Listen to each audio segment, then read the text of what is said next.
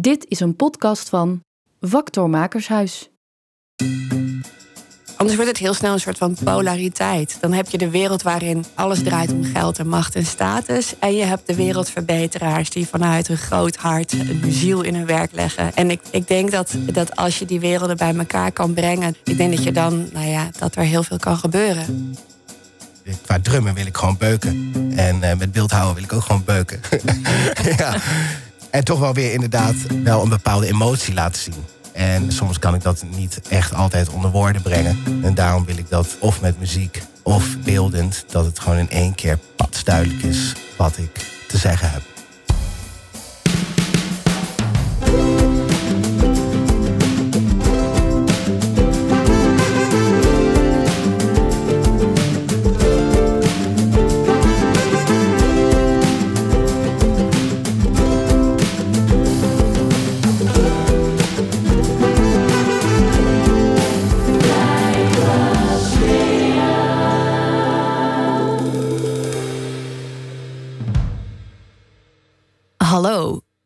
Wat fijn dat je weer luistert naar de podcast Blijven Smeren. Mijn naam is Mette Bunskoek. En in de komende aflevering is er niet één, maar zijn er twee makers uit de regio Zwolle te gast. Makers die afzonderlijk van elkaar werken, maar wel dingen gemeen hebben. En daar gaan we het dan in deze aflevering over hebben. We praten over de verschillende maakwijzes en de thematieken die de makers in hun werk hanteren. En ik heb weer twee gasten tegenover mij zitten. De eerste gast is Dorothee Loorbach. Dorothee is schrijver, spreker, dichter, interviewer en trainer. En vast nog meer. En in haar werk stelt ze de echtheid en openheid centraal. Daarover straks meer.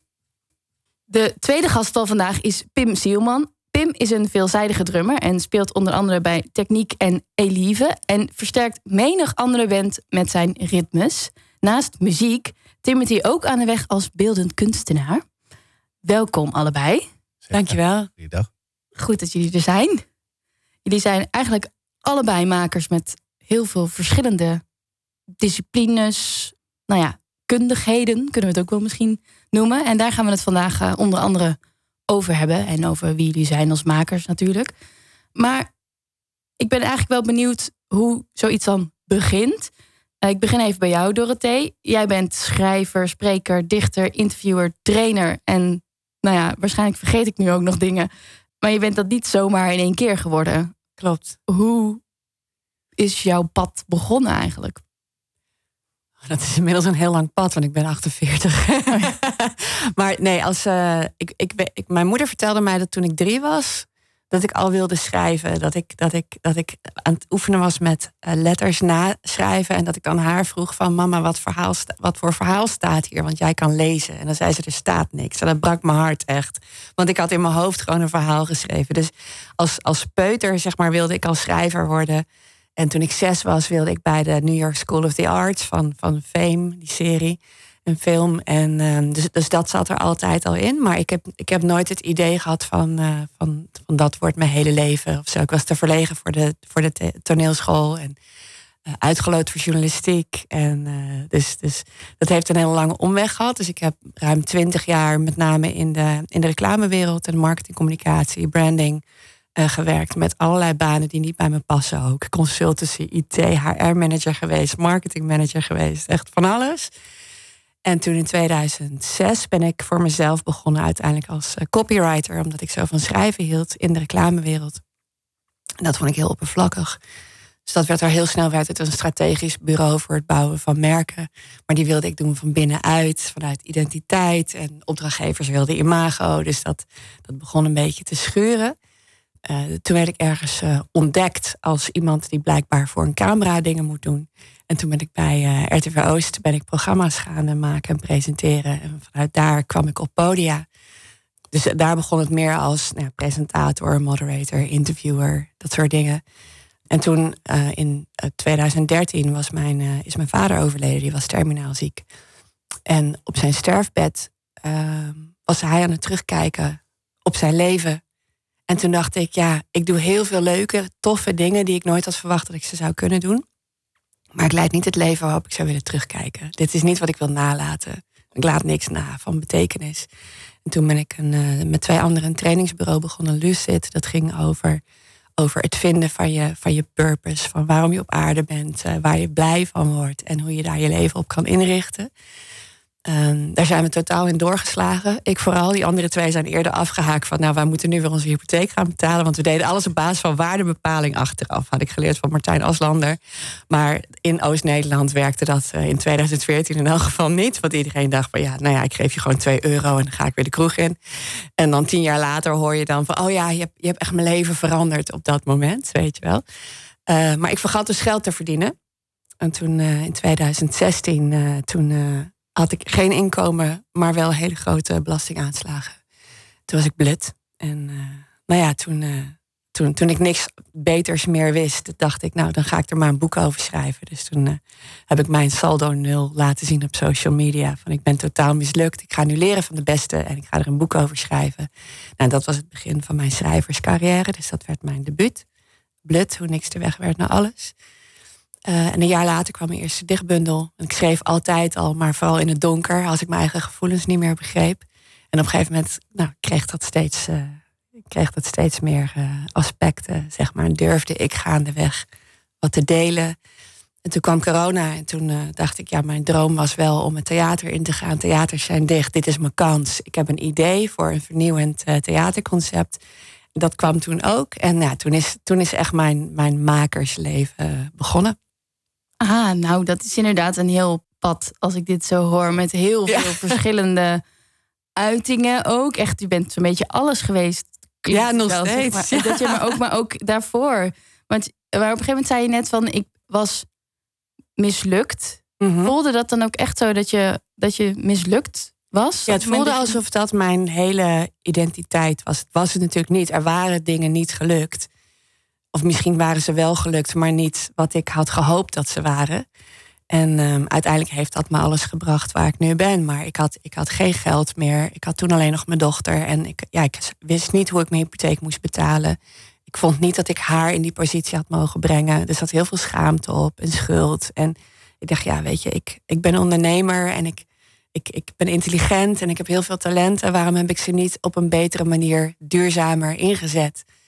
En uh, dus dat, daar, dat was wel een dieptepunt. Ja, dan moet je wel echt uh, jezelf helemaal opnieuw uitvinden. Dan ja. ook eigenlijk. Dat je ja. echt moet denken: oké, okay, wacht, ja. het gaat zo niet langer. Of in ieder geval, voor mij werkt dit niet. Ja, klopt. En als je dan nu kijkt naar wat je nu aan het doen bent, doe je eigenlijk nog steeds heel veel verschillende dingen. Net als dat je eigenlijk altijd al hebt gedaan. Ja. Voelt dat fijn? Voelt dat zekerder?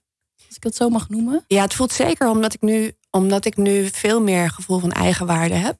En omdat ik gewoon in, in alles wat ik doe voel dat, dat nee, wat ik nu doe, dat is gewoon waarvoor ik geboren ben. Dit is wat moeiteloos gaat. Dit is wat ik niet kan stoppen. Wat er altijd uit moet. Dag en nacht. Of het nou een werkdag is of weekend, maakt niet. Het moet er gewoon uit. En dan merk ik dat als ik, als ik, als ik dat deel met anderen, met publiek of in sessies of in co-creaties, dan, dan gaat er gewoon iets, iets stromen waarvan ik denk, yes. Dit is een soort van bron die iets wat, wat door me heen komt en het moet door mij heen. En als ik het niet toelaat, gaat het wel door iemand anders heen. En dat, dat, dat zie je natuurlijk bij heel veel makers. Maar ik, ik kan niet meer terug naar, naar het, gewone, het gewone bedrijfsleven.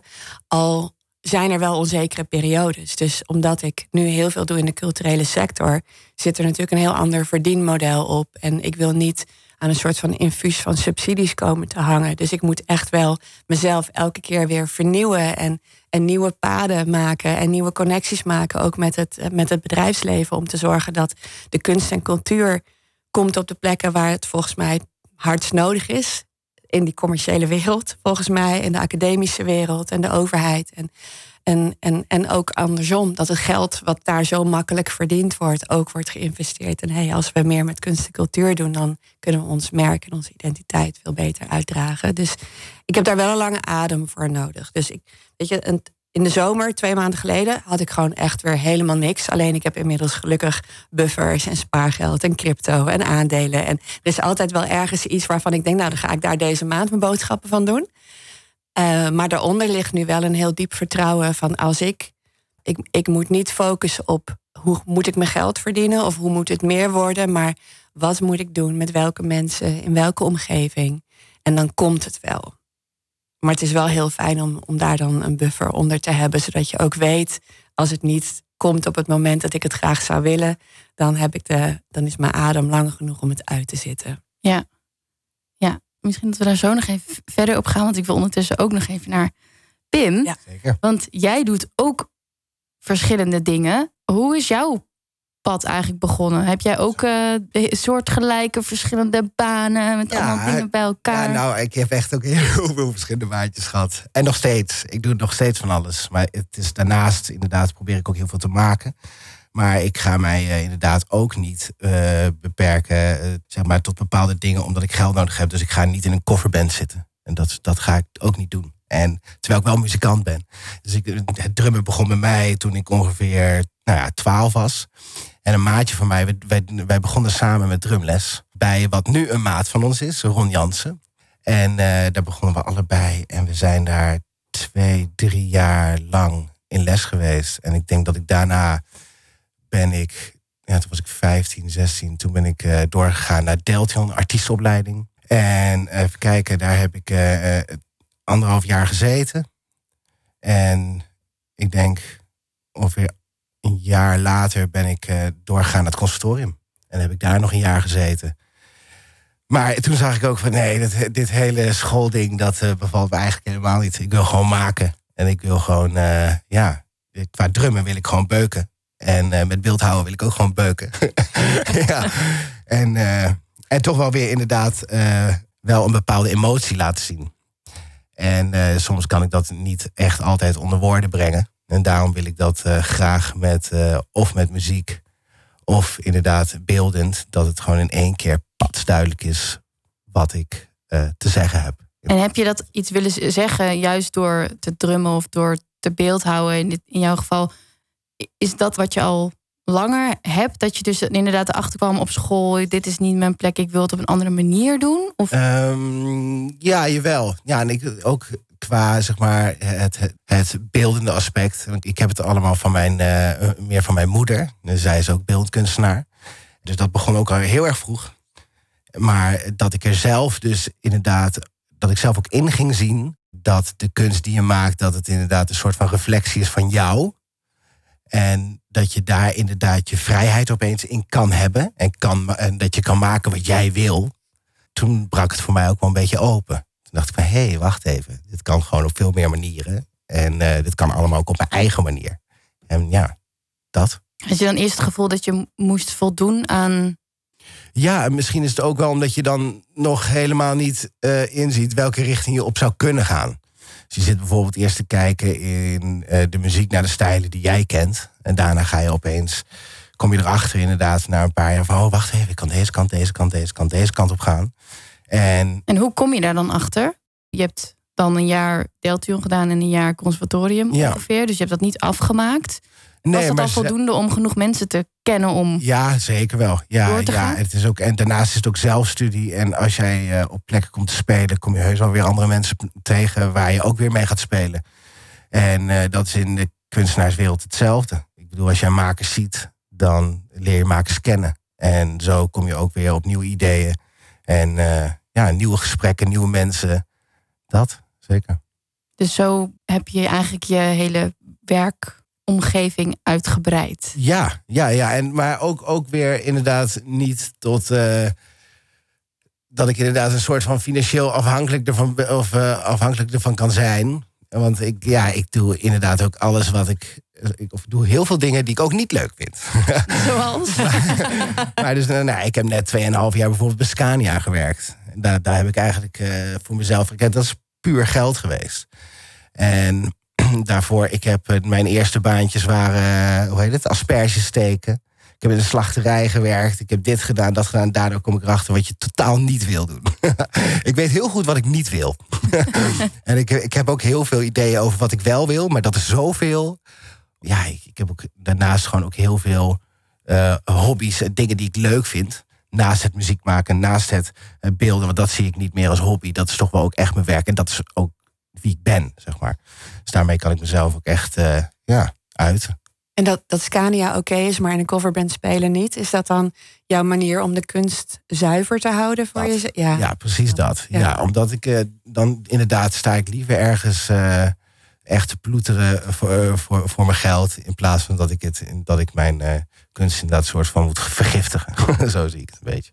Ja, en ik krijg er altijd weer door wat minder leuke baantjes voor jezelf te doen krijg je er toch ook wel weer inspiratie voor, eh, voor je werk. Omdat je toch wel bepaalde uh, dalen doorgaat. Dat je denkt van, ah, dit wil ik wel. Hoe ga ik dit uiten?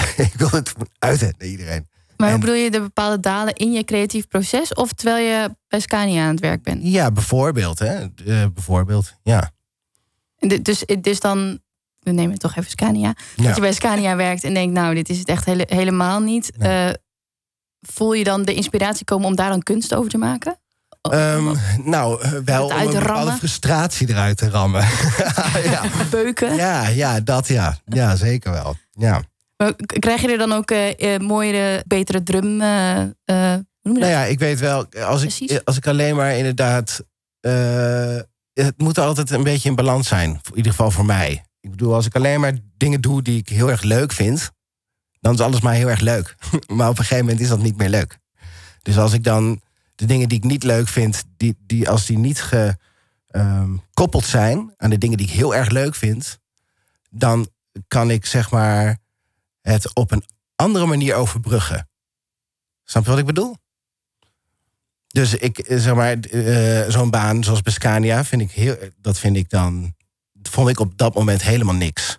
Maar doordat ik inderdaad altijd iets heb om naar terug te keren, kan ik het constant een beetje compenseren voor mijn eigen gevoel. Zeg maar. Dat is het een beetje. Dus is dan eigenlijk je ideale situatie misschien ook wel dat je naast je creatief kunnen uiten ook altijd een soort van minder leuke struggle.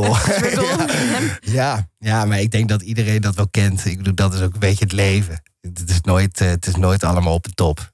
Nee, maar er zijn natuurlijk mensen die zeggen: ja, maar mijn, mijn droom of mijn doel is: ik wil alleen maar in jouw geval beeld houden en drummen. En ik ga die andere dingen niet meer doen. Want ik vind het niet leuk. Eigenlijk wat Dorothee net ook een beetje zegt: dat je zegt: ja, ik wil dit niet meer. Ik ga opnieuw. Ja, ja zeker. En ik probeer nu ook wel veel meer um, werk, wat ik daarnaast doe, of wat dan ook, wel een soort van die richting op te duwen. Dus wel te kijken van, hé, hey, misschien kan ik wel. Um, uh, nou ja, een goed voorbeeld nu. Ik uh, ga straks nog, ik ben nu eh, bezig met het opzetten van de ijssculpturen. En de, nou, vooral wij doen de, de horecakant. En dan is het, zeg maar, horeca is eigenlijk niet echt mijn ding. Maar toch vind ik het leuk om het inderdaad door te rammen en daar te staan. En toch mensen een leuke dag te geven. Maar daarnaast heb ik wel de mogelijkheid om daar met uh, sculptors en uh, crafters te staan en in aanraking te komen. En dat ook allemaal vanaf het beginproces te kunnen zien, zeg maar. Dus daar is dan wel een soort van over nagedacht. Ik denk, ja, hey, dus- dat vind ik tof, daar kan ik wel iets mee. En dan hoeft, en dan hoeft het er niet zozeer.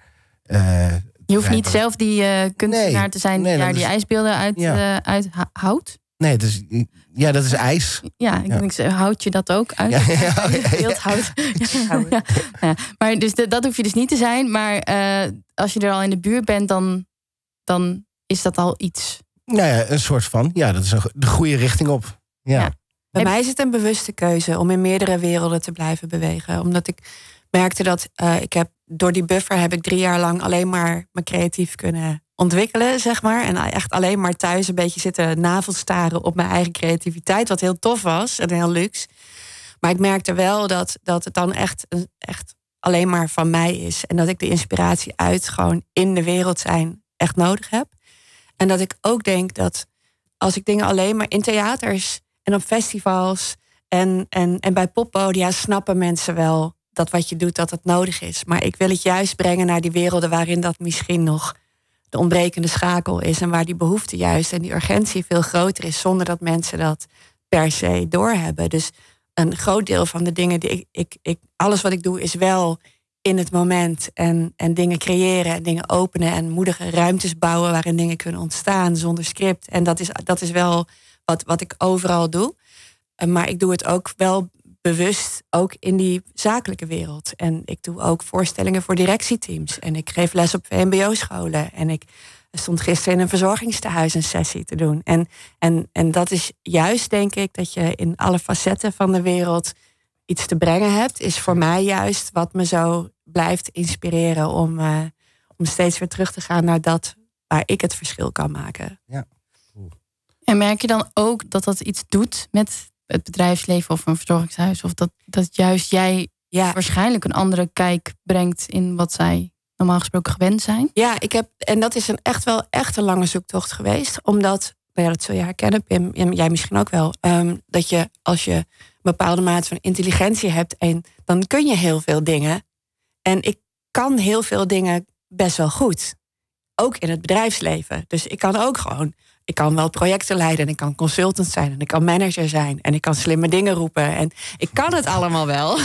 Ja. maar ik wil het niet, want het is niet mijn plek. Dus het, het is voor mij wel een zoektocht geweest naar hè, dat vanuit die, vanuit die scheppingskracht, zeg maar, wat ik het maar even noem, uh, kan ik juist in die werelden waarin ik alle verkeerde banen heb gehad voor mijn leven, kan ik vanuit de ervaring die ik heb opgedaan, de kennis die ik heb opgedaan over hoe die werelden werken, kan ik juist heel erg trouw blijven aan dat waarin ik een verschil te brengen heb. Ja, je haalt overal wel weer wat uit, denk ik ook. Ja, dus gisteren ook in dat verzorgingstehuis, daar zei een van de begeleiders, die zei van nou, ik hield mijn hart vast toen je begon hoor. Want ik ging een, ik ging een gesprek openen met eenzame 80-plussers over wanneer voel je je ongezien. En, en wat doe jij om, uh, om een ander te laten voelen dat hij of zij gezien wordt. En dat werd een, een, een heel open en kwetsbaar gesprek waarin waar allemaal dames uh, emotioneel werden, maar zich wel gingen uiten. En die, en die dame die al jaren met ze werkt, die zei: Nou, ik, ik hou mijn hart vast, want ik kan helemaal niet. En het gaat allemaal veel te diep en het is veel te intiem.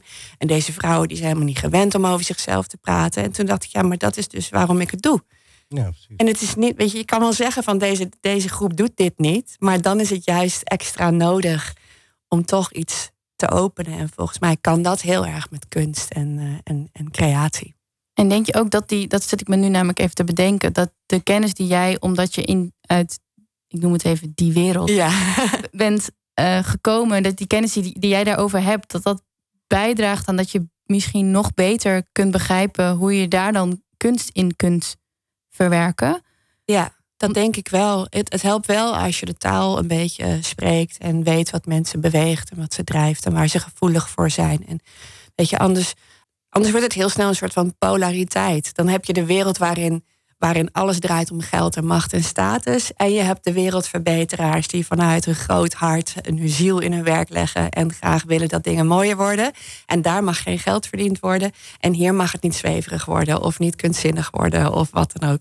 En ik, ik denk dat, dat als je die werelden bij elkaar kan brengen. door ook gewoon te kijken van ja, wat hebben we nou allemaal gemeen met elkaar. En welke menselijke behoeftes liggen er overal onder ik denk dat je dan, nou ja, dat, dat, dat er heel veel kan gebeuren.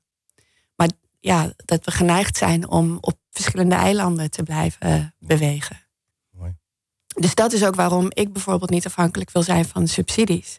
Dan heb ik liever dat mensen die moeite hebben met, de, met het bedrijfsleven, dat die dan subsidies krijgen. En dat ik ga proberen om het bedrijfsleven te bewegen. Van investeer hier nou in, dat is ook goed voor jullie, want het is goed voor de hele wereld, weet je wel. En snap je ook vanaf de kunstenaars dat ze het moeilijk vinden om binnen een bedrijfsleven iets van kunst toe te voegen? Ja, dat snap ik heel goed. Want kunst is, ja, dat zegt Pim net ook, weet je, het is jezelf uiten. Dat is super intiem en kwetsbaar. Dat is, dat is gewoon, gewoon echt alles, alles van binnen gewoon op tafel leggen en zeggen: Nou, doe er maar mee wat je wil. Je mag het aanraken, je mag er naar kijken. En het is mijn risico, weet je wel. Ik weet, ik weet niet hoe ik straks weer naar huis ga. Het is heel kwetsbaar. Ik snap wel dat je niet zomaar een bedrijf binnenloopt en zegt: van nou, hier ben ik met, met alles wat ik voel en wat ik denk en wat me pijn doet en wat me raakt. En, en ik, denk dat, ik denk dat dat echt heel erg, heel erg lastig is. En ook om dat te beschermen en daar trouw aan te blijven. En hoe doe jij dat? Um, nou ja, ik kan gewoon niet meer anders. Ik doe dat door, um, door gewoon altijd te proberen om in het moment volledig aanwezig te zijn. En dan is alles oké.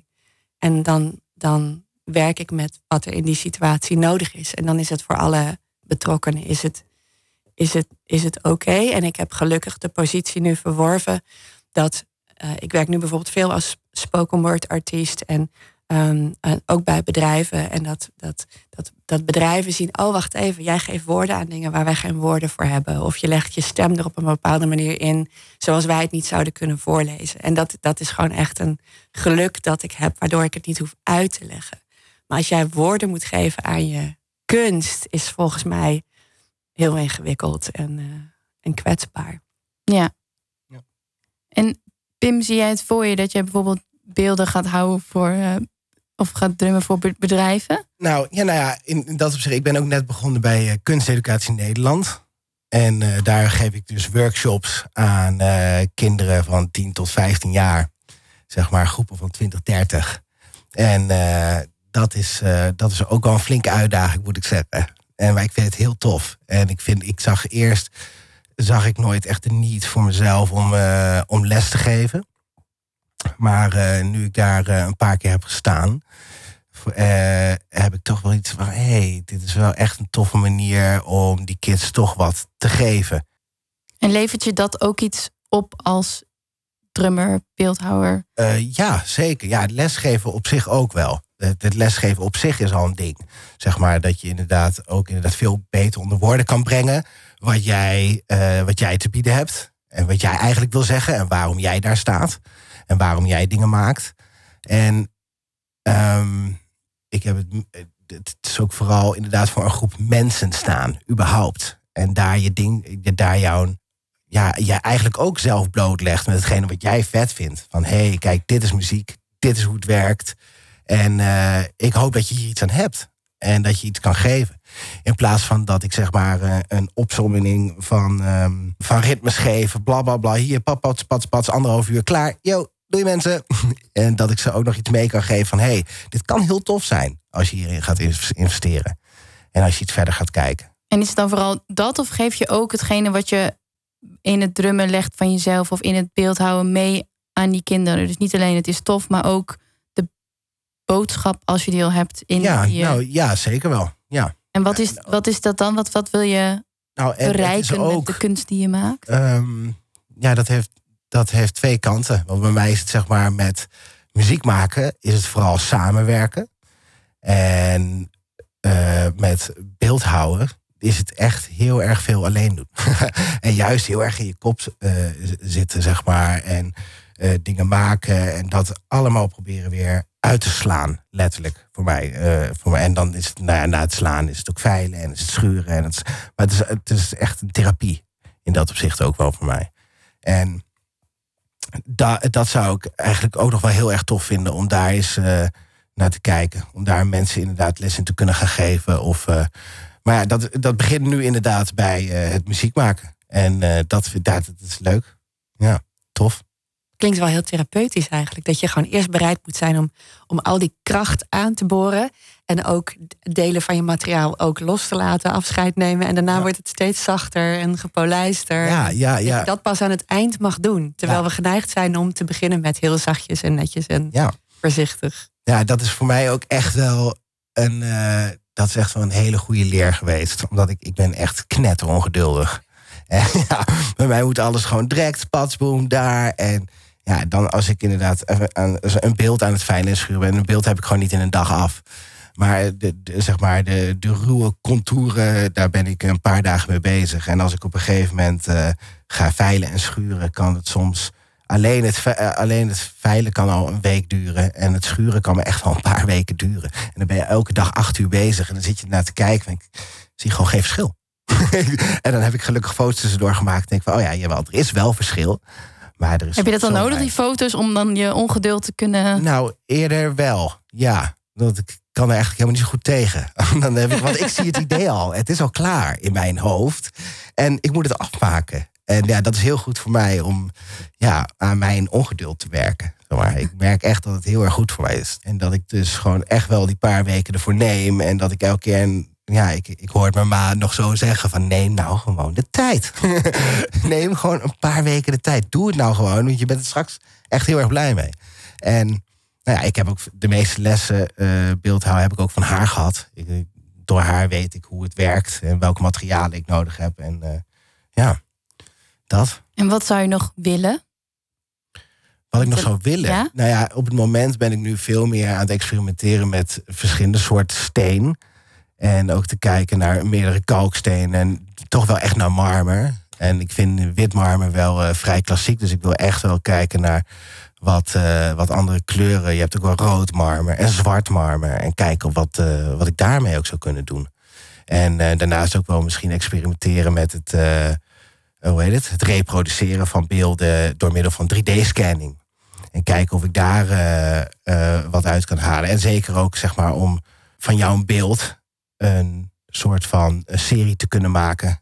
En eh, niet, niet zozeer met mallen te werken en dat soort dingen, maar echt de technologie van deze tijd gebruiken. En echt dus inderdaad, omdat ik zelf ook wel met computers werken ook leuk vind. Ik heb net vorig jaar ben ik leren programmeren. En eh, dan ben ik, heb ik 60, 70 procent van een taal geleerd. En denk vet. Maar denk, nou, ik ga dat niet 24-7 doen. nee, nee, maar ik vind het wel leuk om te weten. En toen dacht ik van ja, maar ik kan het misschien wel gebruiken. En dat hoeft niet zozeer het programmeren te zijn, maar de technologie en eh, IT überhaupt. Om eens even te kijken wat ik daarmee kan doen in combi met mijn beelden, bijvoorbeeld. Ja. En is beelden, beeldhouden en eh, drummen, zijn dat twee verschillende dingen die je allebei doet? Of zit daar ook nog een overlap in? Eh, ik denk, ja, het is wel, ja, jawel, er zit wel een overlapping in. En dat is inderdaad waar ik het net ook over had. Slaan. Ja, ja, en het houden. Ja. Maar ook wel ehm, de, de emotie die je erin gooit. Zeg maar. als, ik, als ik aan het drummen ben ook, probeer ik ook echt alles erin te gooien. En soms is het ook veel te veel. Dan ben ik er ook echt alleen maar aan het gaan. En denk van mensen, yo, dit gaat echt vies hard. En eh, het is alleen maar beuken. Maar eh, ik probeer... Ja, dat, dat is ook weer, weer wat ik met beeldhouden leer. Wat ik zeg, die, die eh, tederheid te geven. Dat ik dat ook weer overkoepel naar de drums. Dat ik daar ook weer meer tederheid durf te, durf te geven ook wel. En eh, durf zacht te spelen. En te laten zien dat het niet allemaal eh stoerdoenerij en beuken is. En dat zeg maar. Ik, eh, ja, ik word er wel eh, in dat op zich wel een beter persoon van, denk ik. Eigenlijk hebben jullie allebei een soort van eh, zachtheid. Brengen jullie eigenlijk in, na, in, een, in een wereld die misschien ook wel hard is. Als ik al Ja. jouw dingen hoor, copywriter en al dat soort eh, reclamewereld. Dat is een harde wereld. Ja. Ja. Kom je er allemaal uit. En dan breng je juist die zachtheid weer terug. Ja. En dat, ja, jij doet dat dan weer met Ja, drummen. klopt, ja. Ja, maar Ja. Als, als kunstenaars werken we natuurlijk ook eh, echt vanuit emotie. Daarvan, daar, daar is, denk ik, zijn de meeste eh, eh, kunstwerken of ja, werken op zich gewoon op gebouwd. Het is toch iets, ja, het is een reflectie van jou. Ja, maar daar zit voor mij ook wel de schoonheid in, juist in die donkere kant van de wereld. Weet je, dat, eh, ik, zal, ik kan niet in mijn eentje de wereld veranderen. Ik wil me er ook niet voor afsluiten. Maar ik, ik vind licht brengen in het licht niet zo interessant. Ik, ik, ik breng liever een heel klein lichtje in, het, in iets wat heel erg donker is. En, en, ehm, dus ik, ik doe bijvoorbeeld ook veel met kwetsbare groepen, even tussen aanhalingstekens. En, en ik heb veel met de dood te maken, zowel privé als in het werk dat ik doe en zo. En ik zoek dat ook echt op. Ik ga daar ook echt. Ja, een, een vriend van mij met wie ik een voorstelling aan het maken was, die terminaal was. Eh, die zei ook van ja, sorry dat ik je zo belast nu. En ik zeg, nou, ik ga eigenlijk heel lekker op het feit dat jij doodgaat. Weet je, creatief gezien. En als mens en in wat het, Ja. wat het voor mij doet om zo dichtbij iemand te mogen zijn die, hè, die zo dicht bij het dood, de dood staat. Die staat ook het allerdichtst in zijn leven bij het leven zelf. Weet je wel. Dus dat, daar, daar leer je dan ook weer heel veel van. Dus ik denk dat daar juist ook, eh, ook de kracht zit in die schaduwkant van het leven. En hè, dat, dat nu de hele wereld in de fik staat. En daar hebben we allemaal geen woorden voor. Maar ik denk dat juist met de kunst dat we dan iets kunnen aanraken waar niemand taal voor heeft, maar wat we wel allemaal kunnen voelen. Zeker. En wat zou jij nog willen? Ik wil heel graag ooit een eh, kerkje. Gewoon een kerkgebouwtje, letterlijk. Ik ben niet kerkelijk, religieus, eh, daar heb ik allemaal niks mee. Maar ik geloof wel in iets goddelijks in ons bestaan. En, eh, en kerken zijn niet zomaar op een plek gebouwd. Daar komt heel veel samen en daar voel je je een soort van serene altijd. En ik wil graag dat, daar, dat je daar terecht kan met alles. En alles wat je hebt en wat je meemaakt. Dus ik wil daar graag rouwcafés doen. En dat mensen die eenzaam zijn een kopje koffie kunnen drinken. Maar ook dat eh, jongeren hun talenten kunnen ontwikkelen die ze niet thuis of op school, waar ze de ruimte misschien niet voor krijgen. Of dat je als je het moeilijk hebt thuis. Of Ehm, ik wil graag dat er creativiteit tot uiting komt. Dat we lezingen geven over onderwerpen die normaal gesproken niet zo makkelijk uh, aangeraakt worden.